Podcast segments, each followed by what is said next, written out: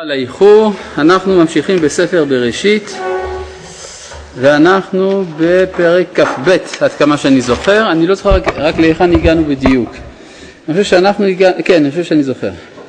והגענו לפסוק י"א, נכון? או שלמדנו את פרק, פסוק י"א. מה? לא למדנו פסוק י"א? כן או לא? מיכל? למדנו או לא? למדנו פסוק י"א? אה, לא למדנו פסוק י"א. הגענו לפסוק י' וישלח אברהם את ידו, זה אני זוכר, כן. ויקח את המאכלת לשחוט את בנו. נשאלת השאלה, אה, בעצם, טוב עוד מעט, זה עוד לא, לא הגיע הזמן שיש. ויקרא אליו מלאך השם מן השמיים. ויאמר אברהם אברהם ויאמר הנני. אם כן, זהו, אה, שלום לרב שרקי, האם הרב יכול להתייחס למחאה, האם יש להצטרף למחאה החברתית שפוקדת את ארצנו? כלומר, האם לשחק לידי קבוצות אינטרסים? אה, חזרת. כן. כלומר, האם אה, להיות כלי בידי הקרן החדשה לישראל ולעשות כאילו שמדינתנו היא מדינה של העולם השלישי בעוד שהיא מדורגת טוב מאוד ב-OECD, OECD. והאם אה, לעשות כאילו שהמצוקה החברתית שלנו היא כזו שאנשים מגיעים לחרפת רעב ושכבר נגמרה האפשרות של התיישבות בכל יהודה ושומרון. כן, צריך באמת למחות נגד כל המניפולציות האלה, נכון. עכשיו, אה, איפה היינו? ויקרא אליו מלאך השם מן השמיים ויאמר אברהם, אברהם ויאמר הנני. עד עכשיו ידענו שיש לאבינו הראשון שני שמות, שבתחילה קראו לו אברהם, ואחר כך נאסר עליו השימוש בשם אברהם, והוא קיבל שם חדש, אברהם. גם אנחנו זוכרים שבתחילת הפרק, ויהי אחר הדברים האלה, והאלוהים נישא את אברהם, ויאמר אליו אברהם, ויאמר הנני. עכשיו אנחנו מגלים שיש לו שם שלישי. עד עכשיו ידענו שקוראים לו אברהם, עכשיו קוראים לו אברהם אברהם. זה שם חדש, שלא חוזר אחר כך, אבל הוא שם משמעותי ביותר, אברהם אברהם. מה פירוש הדבר, מה פירוש השם הכפול הזה? זה אומר, אגב אם שמתם לב, החלק הראשון של השם זהה לחלק השני של השם, כלומר אברהם אברהם. מה זה אומר? זה אומר שיש התאמה בין אברהם של מטה לאברהם של מעלה. האברהם של מעלה, האידאי, עכשיו משתתף גם עם האברהם של מטה, הנפשי, הקיומי. מה? ודאי שיש אברהם של מעלה, לכל אחד מאיתנו יש נשמה. אה, תמיד היה אברהם, כן, רק שזה לא התגלה. הש... כן, הבנתי מה שאתה שואל, אני עניתי, כן, שכן, זאת אומרת שלכל אחד מאיתנו יש נשמה ולנשמה יש שם משלה. עכשיו, באותה, באותו רגע של שלמות, אברהם הפך לאברהם אברהם, דהיינו שיש התאמה בין נשמתו לבין נפשו. כן.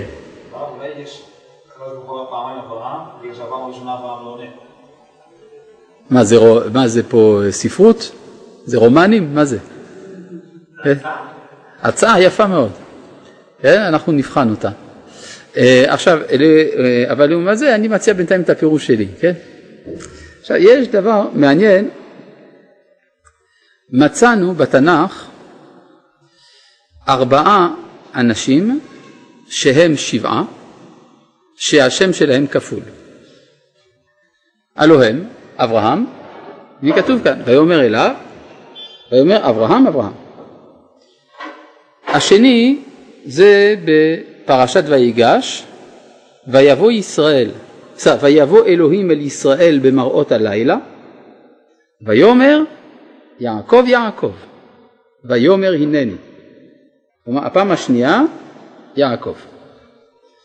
פעם שלישית ויאמר משה משה, ויאמר הנני. זה בפרשת הסנה, בספר שמות. ויאמר שמואל שמואל, ויאמר דבר כי שומע עבדיך. כן, אם כן מצאנו אברהם, יעקב, משה, שמואל. ארבעה אנשים שזכו לשם הכפול של ההתאמה בין הנשמה לבין הנפש. ספר הזוהר מאיר שבכל הפעמים האלה בין אברהם לאברהם יש טעם שאחינו הספרדים מכנים אותו פסק ואחינו האשכנזים מכנים אותו פסיק. כן, הקו המאונח הזה, תסתכלו, כן, בין אברהם לבין אברהם יש קו מאונח. אומר ספר הזוהר, זה אומר שבין אברהם של מעלה לבין אברהם של מטה אמנם יש התאמה, אבל עדיין יש הפסק. וכך גם אצל יעקב. ויאמר יעקב, הפסק יעקב. שמואל, שמואל. אבל בין משה למשה, ויאמר משה משה אין הפסק. זה כאילו הולך ביחד. לאמור שאצל משה ההתלכדות של הנשמה עם הנפש הייתה שלמה יותר. אפשר לומר שמשה הוא נשמה מהלכת. זה כמעט מכלה את הנפש שלו, הוא כל כולו נשמה. מה שאין כן, אברהם, יעקב ושמואל, שאצלם המדרגה הזאת מושגת אבל לא בשלמותה. לא בשלמותה. זה ה, אה, ההסבר של הזוהר. כן, מה אתה אומר? כן, השם השם אל רחום וחנון. כן, רק שאצל הקדוש ברוך הוא אין נשמה ונפש, אבל יש השם לפני החטא, השם אחרי החטא.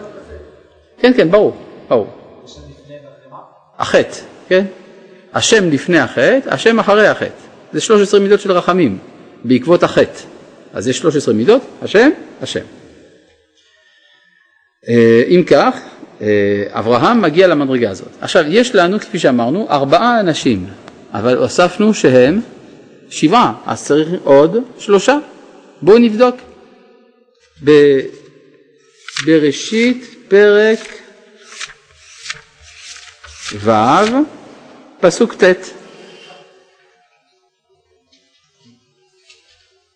ו', פסוק ט'. אלה תולדות נוח נוח. גם פה אם כן יש לנו שם כפול. כמו כן, תסתכלו בפרק י"א, פרק י"א, בפסוק, אה, פסוק י', פרק י"א, פסוק י', אלה תולדות שם שם.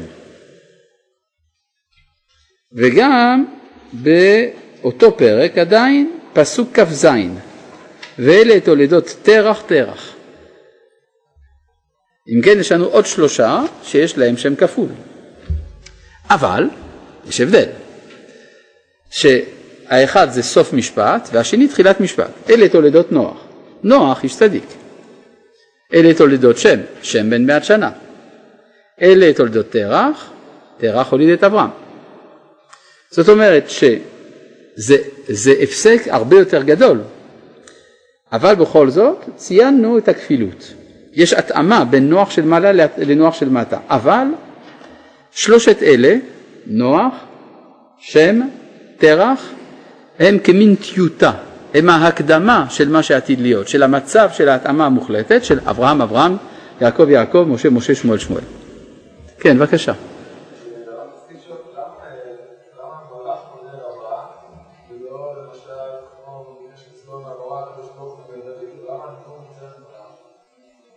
למה מלאך הוא זה שמציל את אברהם מלפגוע ביצחק? כי זה מצב בלתי רצוי. זה שהוא רוצה לפגוע ביצחק זה דבר לא רצוי. כן, עכשיו, אה, אז אם כן זה מובן שיש לנו פה אה, שניים, אה, כן, בבקשה.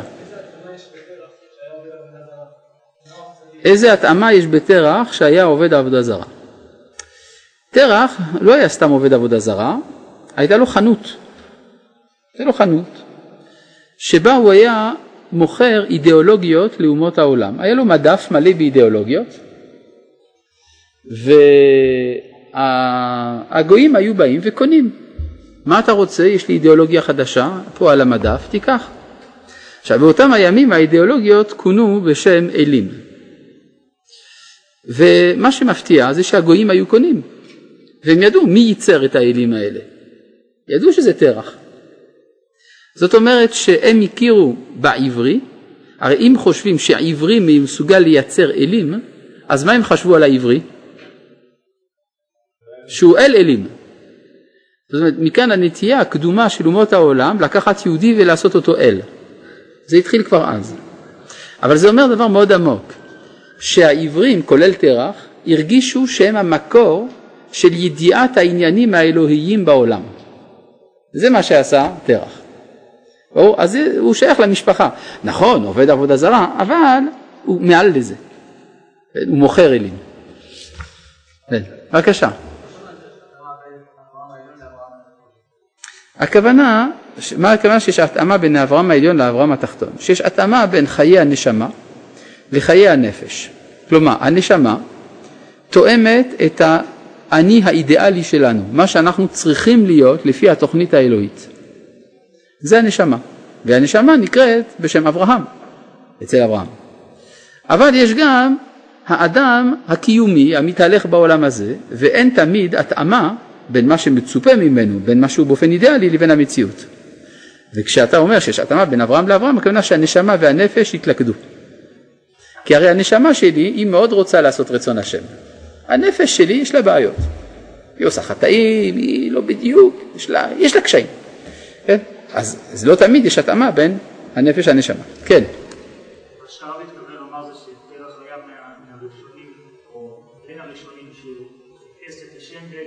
הוא לא חיפש את השם.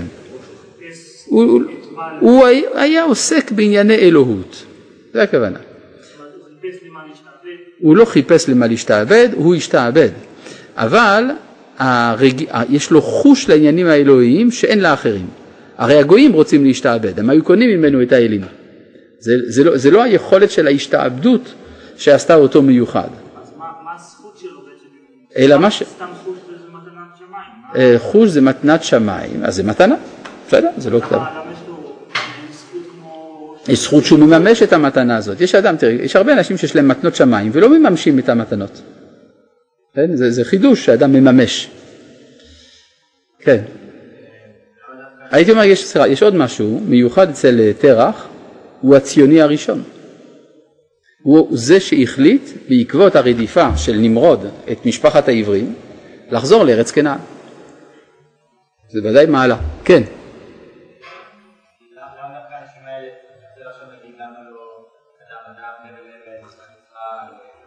מדוע לא אדם, למשל? אדם הראשון, הקדוש ברוך הוא ציפה ממנו, ויאמר לו אייכה, במקום לענות הנני, הוא התחיל לברוח. בסדר? גם הבל הוא מת. הוא לא היה מושלם הבל. הבל הרי נענש. מה היה העונש של הבל? שהוא נרצח, נכון? מה היה העונש של קין? שהוא גולה. אז אצל מי החטא יותר גדול? טוב, דיברנו על זה באריכות. כן, אבל אצל האבות יש שחזור של מדרגת אדם הראשון. יפה, אז מתבקשת השאלה, מדוע לא נאמר יצחק, יצחק? כן, מה התשובה? מה זה אותו אחד?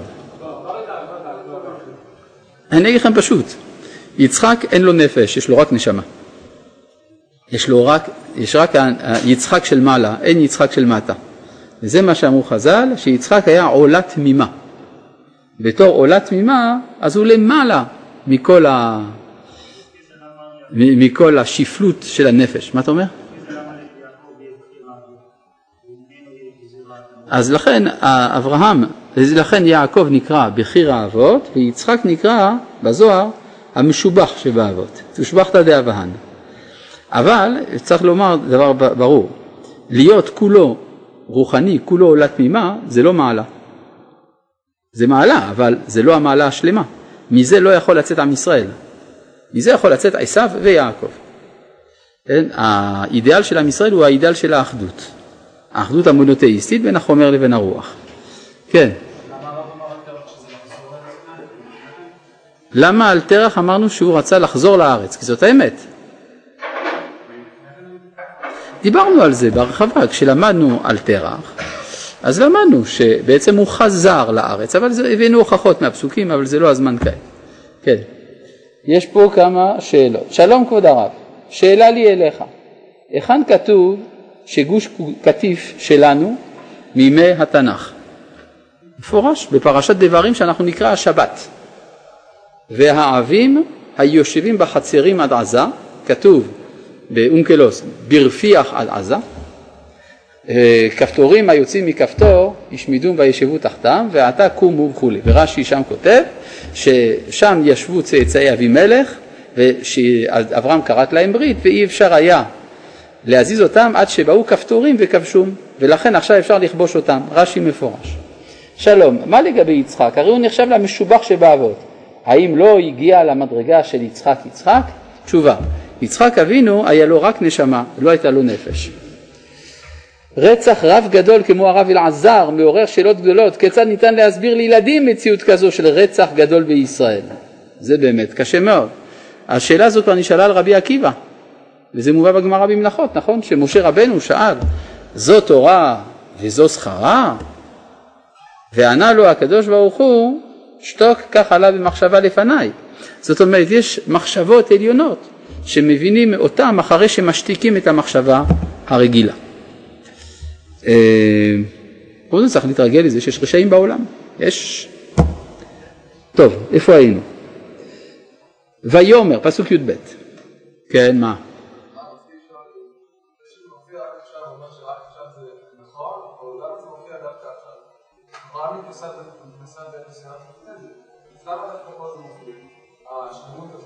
כן, כלומר אתה שואל מדוע רק עכשיו אברהם הגיע למדרגה הזאת של אברהם אברהם.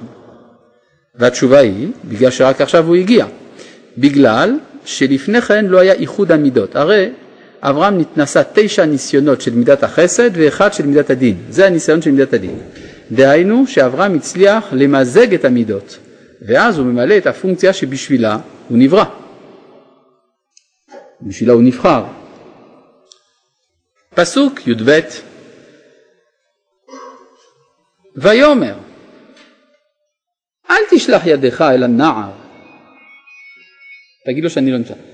אה, ויאמר אל תשלח ידך אל הנער ואל תעש לו מאומה כי עתה ידעתי כי ירא אלוהים אתה דהיינו שהגיע למידת הדין ולא חסכת את בנך את יחידך ממני. אם כך נעשתה ההוכחה שאתה מסוגל לאמץ את מידת הדין ולכן אין צורך לממש את זה כי אם אתה תהרוג את יצחק אתה תהרוג גם את מידת הדין. חבל. ויישא אברהם את עיניו.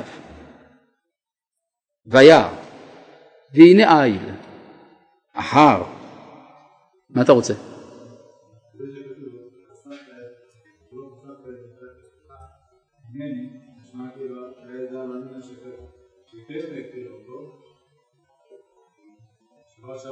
דיברנו על המוכנות.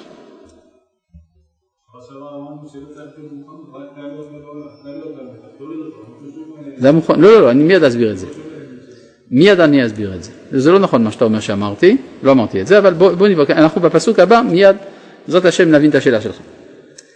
ויישא אברהם את עיניו וירא והנה איל. אגב, לשאת עיניים, באיזה כיוון זה? למעלה. זאת אומרת אברהם מסתכל על מקום שהוא גבוה יותר ממקום המזבח. עכשיו אם המזבח זה איפה שעתיד להיות המזבח במקדש, אז איפה זה יותר גבוה? אה? איזה הר הצופים? בטופוגרפיה של המקדש, איפה נמצא המזבח? לא נכון, הוא לא הכי גבוה. לא נכון, ממש לא.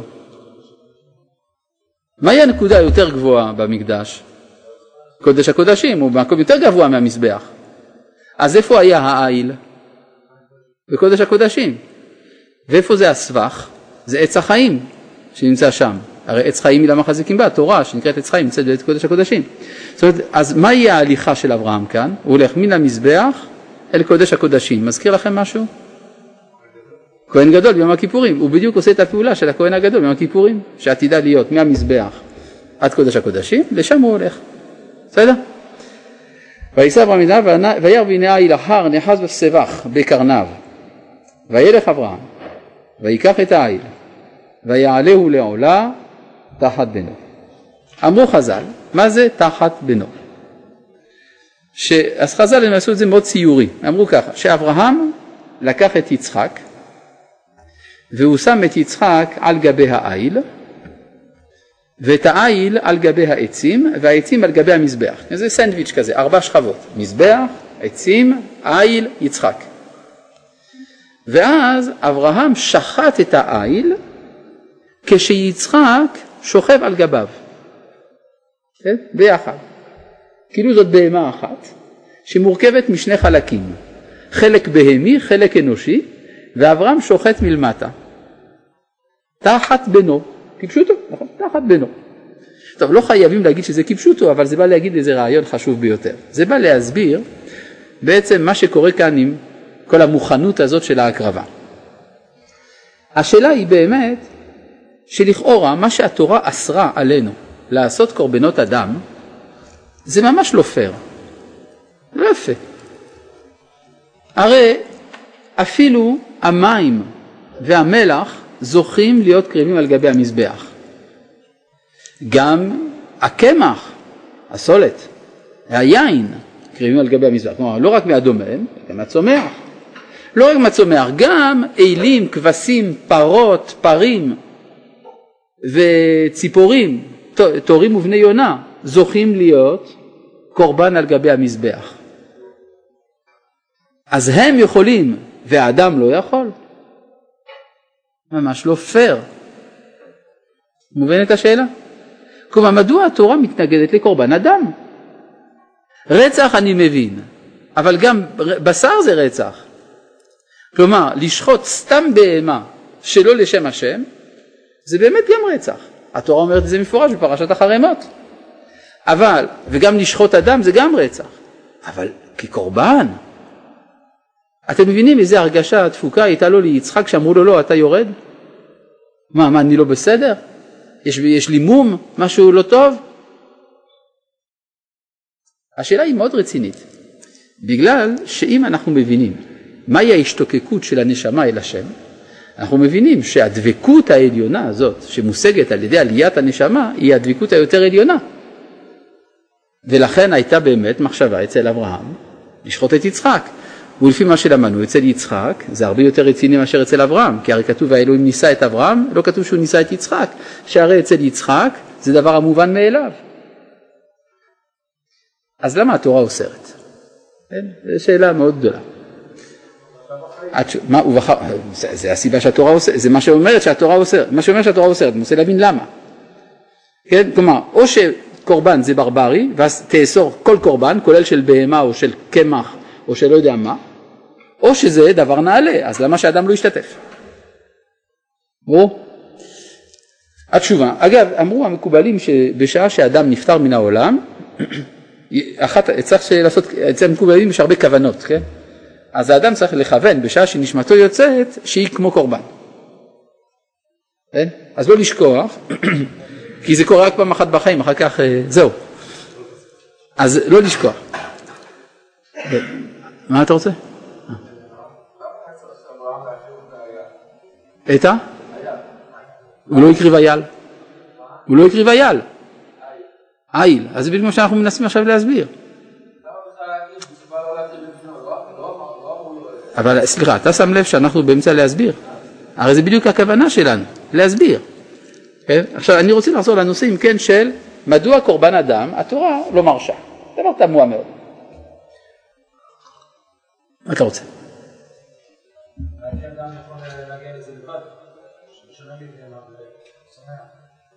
מה זאת אומרת, אדם יכול להגיע לבד? אז הוא לא צריך שישחטו אותו, הוא יעשה את זה לבד. זאת אומרת, הוא יעשה מדיטציה ואז הוא לא יחזור. משהו כזה. מה? כשהוא מסיים את העבודה בעולם הזה? אולי?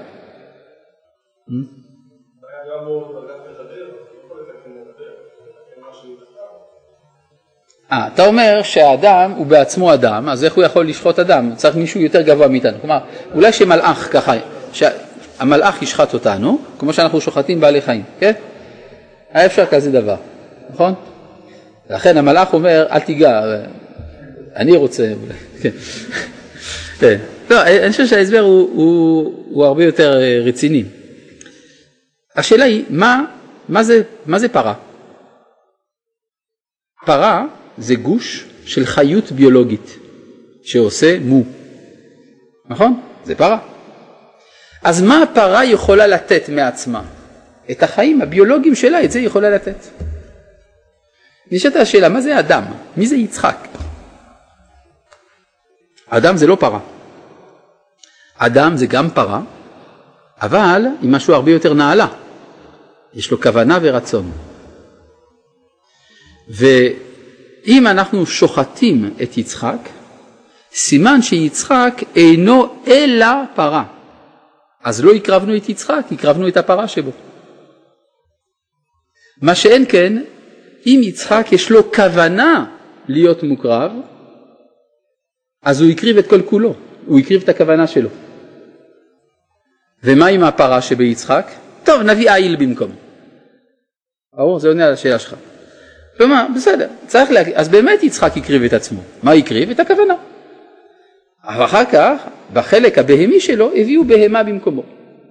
עכשיו אם תשימו לב, התורה אמרה את זה במפורש, בכל ענייני הקורבנות. ויקרא אל משה, וידבר השם אליו מאוהל מועד לאמור, אדם כי יקריב, מה המשך? מכם, קורבן לשם.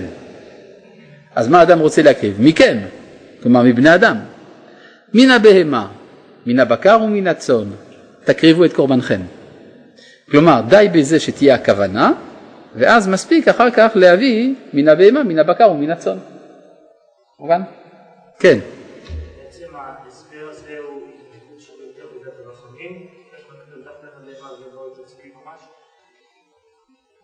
זה, לא, לא, האדם מקריב את עצמו ממש, השאלה מי זה עצמו. עצמו זה לא הגוף שלו, עצמו זה הכוונה שלו, אז את זה הוא באמת הקריב. על ידי הרצון, זה מה שאומר הרמב"ן בפירושו לספר ויקרא, שכאשר האדם רואה את הקורבן, הוא מכוון שכל מה שנעשה בקורבן היה ראוי להיעשות בו. בסדר? היה רצוי להיעשות, היה, רצוי, היה צריך להיעשות בו, ועכשיו נעשה בבהמה. כן.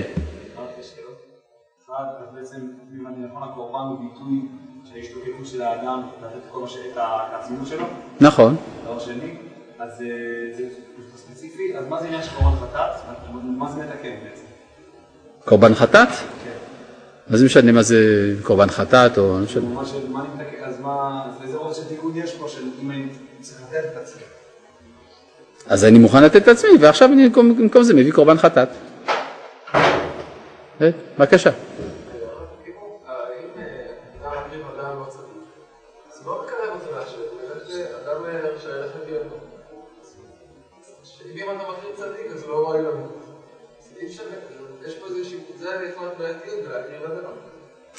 אתה מציע הסבר אחר. לא יודע, בסדר, זה גם הסבר, אני מסביר את ההסבר שלי, גם טוב, כן.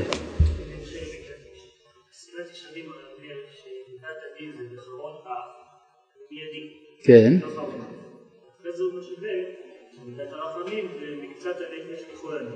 נכון.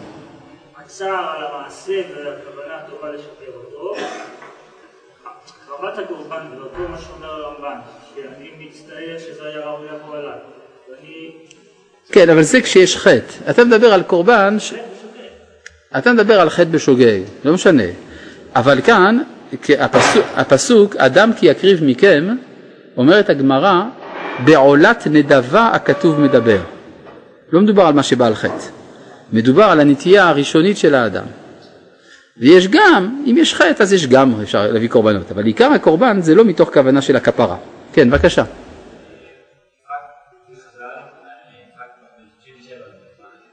נכון.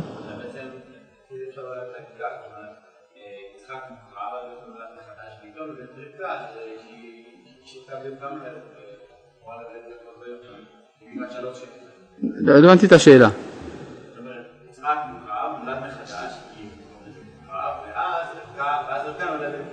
אה, אתה אומר ש... אה, כלומר, יצחק נולד מחדש ובאותו יום נולדת רבקה, זה בסדר, הם באותו גיל. כן, יפה, בסדר. כן, בבקשה. העיל אחר, כלומר אחורה. מהצד האחר, מאחר. כן. כן. לא שומע.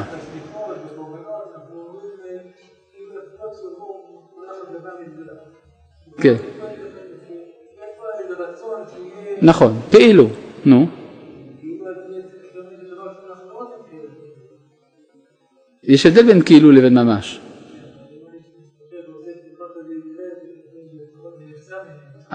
מה, אנחנו לא משתוקקים שזה יצא לפועל, כי אנחנו מבינים שזה לא טוב. כלומר, מצד החוכמה היה אולי מקום לזה, אבל מצד הרצון זה הפוך. הקדוש ברוך הוא אומר לך, ובחרת בחיים. כלומר, ריבונו של עולם רוצה שיתקדש שמו בין החיים ולא בין המתים, ולכן הוא אוסר את זה. כן, בבקשה.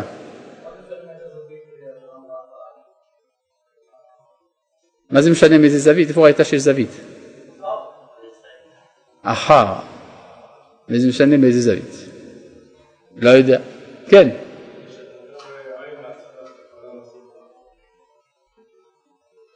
או שכן או שלא, לא יודע. אחר.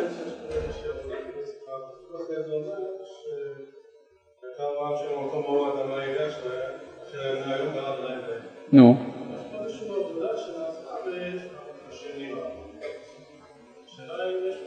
לא יודע. לא יודע, אתם שואלים אותי הרבה שאלות שאני לא יודע. כן, יש פה שאלה. ידוע שקורבן אדם מעשה גויים, ואברהם יוצא כנגד הגויים. איך הוא מוכן לבצע? זה בדיוק היה העניין. הוא יוצא כנגד מעשה גויים, אבל הוא ירא אלוהים. כיוון שהוא ירא אלוהים, הוא מקבל את מידת הדין, עד שנעשה אצלו הבירור, אל תשלח ידך אל הנער. הרי ההלכה היא בסוף, שאסור להקריב את יצחק, נכון? זה מה שאומרת הגמרא, אשר לא ציוויתי ולא עלתה על ליבי, לא ציוויתי זה בנו של מלך אדום, ולא עלתה על ליבי זו עקדת יצחק. עכשיו צריך להבין פה משהו, מה אומר לו המלאך? זה קצת לא נעים אבל זה כתוב, מה נעשה? הוא אומר אל תשלח ידך אל הנער, אחר כך הוא מוסיף, ואל תעש לו מהומה. רגע, רגע, אמר לו אל תשלח ידך אל הנער. אז מה זה אומר? שאברהם אמר בסדר, אני לא אהרוג אותו, אבל אפשר אולי לחתוך קצת? משהו, אל תעש לו, קצת משהו. ואז הקדוש ברוך הוא אומר לא, זה לא ציוויתי ולא עלתה על ליבי. כלומר, שאסור שתהיה פגיעה, גם במידת הדין. כן,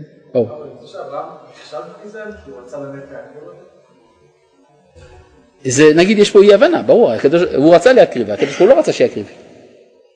טוב, אבל אולי זה כישרון שאין ברירה אלא שיעשה, כי הרי אם לא אז איפה הניסיון? כן, מה אתה אומר?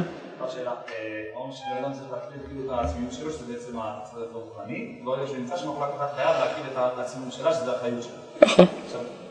עכשיו אני שואל, מה בעצם מקור הלגיטימיות של לקחת את האחריות של הפרה ולהקריב אותה במקומי?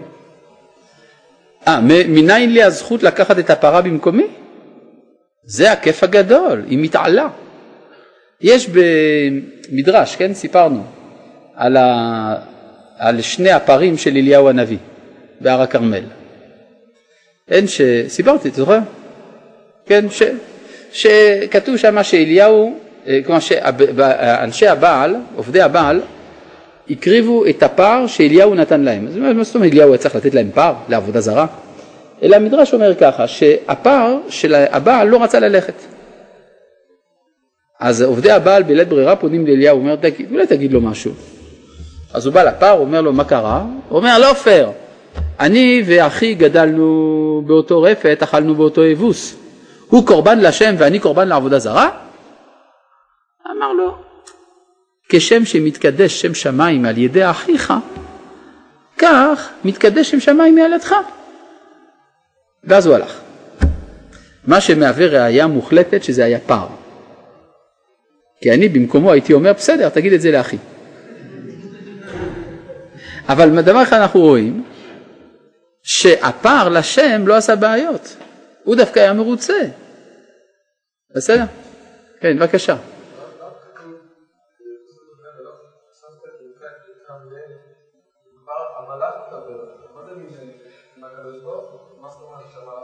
המלאך מדבר בשם השם. כן.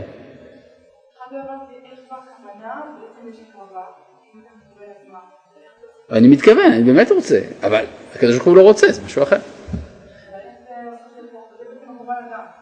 זה קורבן אדם באמת. זה קורבן אדם, זה קורבן הכוונה. שאדם הקריב את הכוונה. התכוון אדם לעשות משהו, לעשות איזה מצווה, ונאנס ולא עשה, כאילו עשה.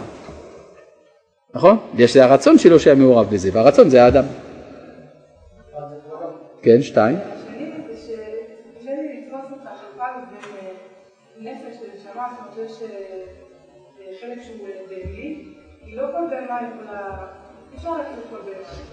נכון. יש, אפשר להקריב בהמות שדומות לחלק הבהמי של האדם. אז יצחק היה דומה לעיל, לכן הוא הוקרב. בסדר? כן. מידת הדין, זה הסברנו בשיעורים הקודמים, נכון? שמידת הדין זה שאני צריך לשלם את המחיר של מה שאני מקבל. ש... אז המחיר של עצמי לפי זה הוא עצמי, נכון? עכשיו, אה, עוד שאלה. עובדה, מלאך המוות שוחט כל האנשים כבר מיליוני שנים, וכל המחאות של החיים אינם מועילים כלום. כנראה שיש מלאך שמקריב אנשים. כן, אבל קראת את חד גדיא? ואתה הקדוש ברוך הוא, ושחט למלאך המוות. לשחט, לשוחט, לשחט לתורה, לשעתה, למיה וכו', נכון? טוב.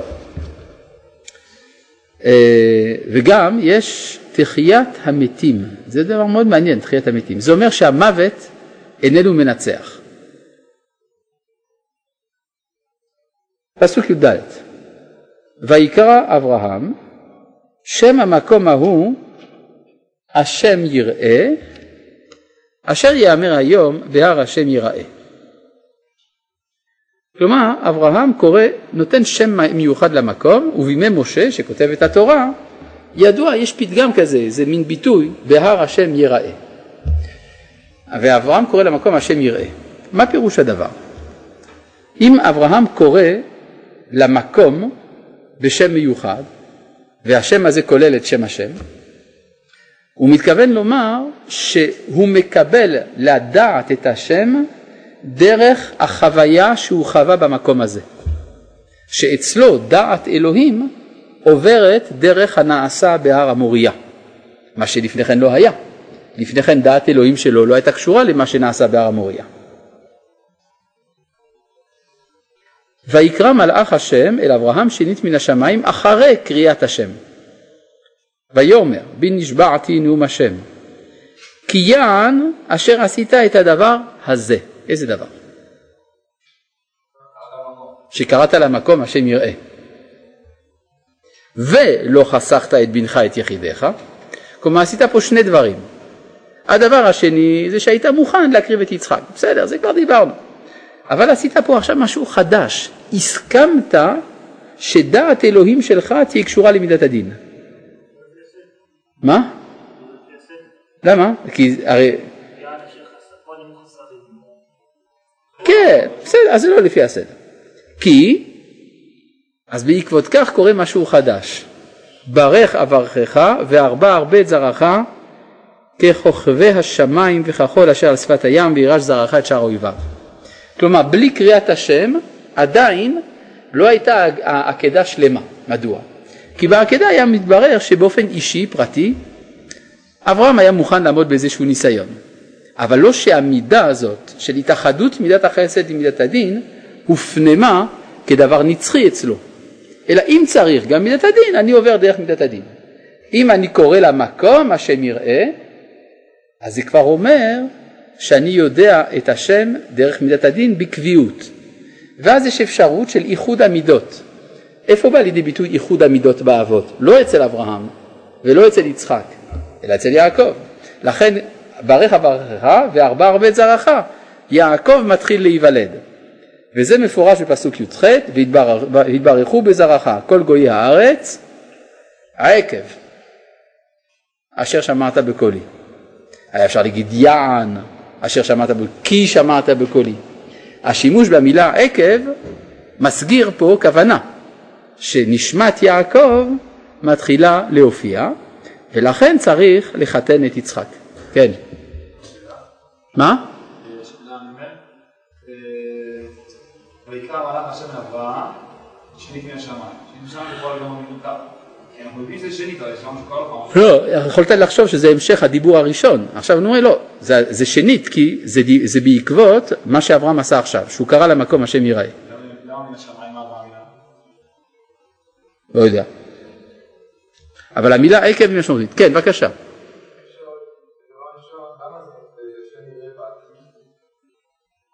למה זה כתוב בעתיד? יראה זה לא עתיד. יראה זה הווה מתמיד. כמו למשל, ככה יעשה איוב כל הימים. זה יעשה? תמיד. כן, בבקשה, מה עוד?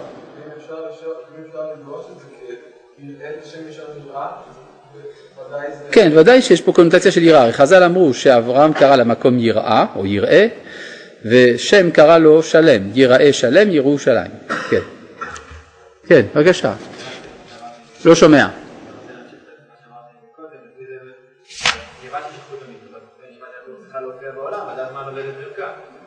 נכון, נכון, ממש, כן. וישוב אברהם אל נעריו, עכשיו, זה הפסוק הזה הוא מאוד מעניין. הוא בעצם השיא של השיאים של העקדה. כי הדבר הקשה ביותר אחרי מעמד העקדה זה לשוב. וישוב אברהם אל נעריו. הרי זה מה שהוא הבטיח, ונשתחווה ונשובה. מה? יצחק לא שב, נשאר תקוע. חז"ל אמרו במדרש, פרחה נשמתו וישב שנתיים ומחצה בגן עדן. כך כתוב. אז כן, זה הטראומה. לא, אבל צריך להגיד פשוט, נעשה עולה תמימה. מכאן ואילך יצחק קנה את המדרגה של יצחק של מעלה ולא יצחק של מטה. לכן יש לך אברהם אברהם ויצחק של מעלה. זאת אומרת שיצחק לא יורד באמת, הוא נשאר מחוץ להיסטוריה, כן. מה, תכלס מן הסתם שחזר, אבל זה בכלל לא משנה, כן? זה כמו שאומרים, יש מישהו, הוא כאן, אבל הוא לא כאן. כן? הוא הפסיק להיות כאן. מה אתה אומר?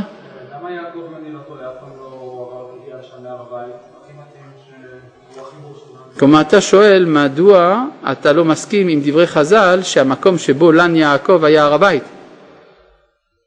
זה אין לי, אין לי הסבר מדוע אתה חולק על חז"ל. כן? טוב, כן, בדיוק, בדיוק, ממש אותו דבר.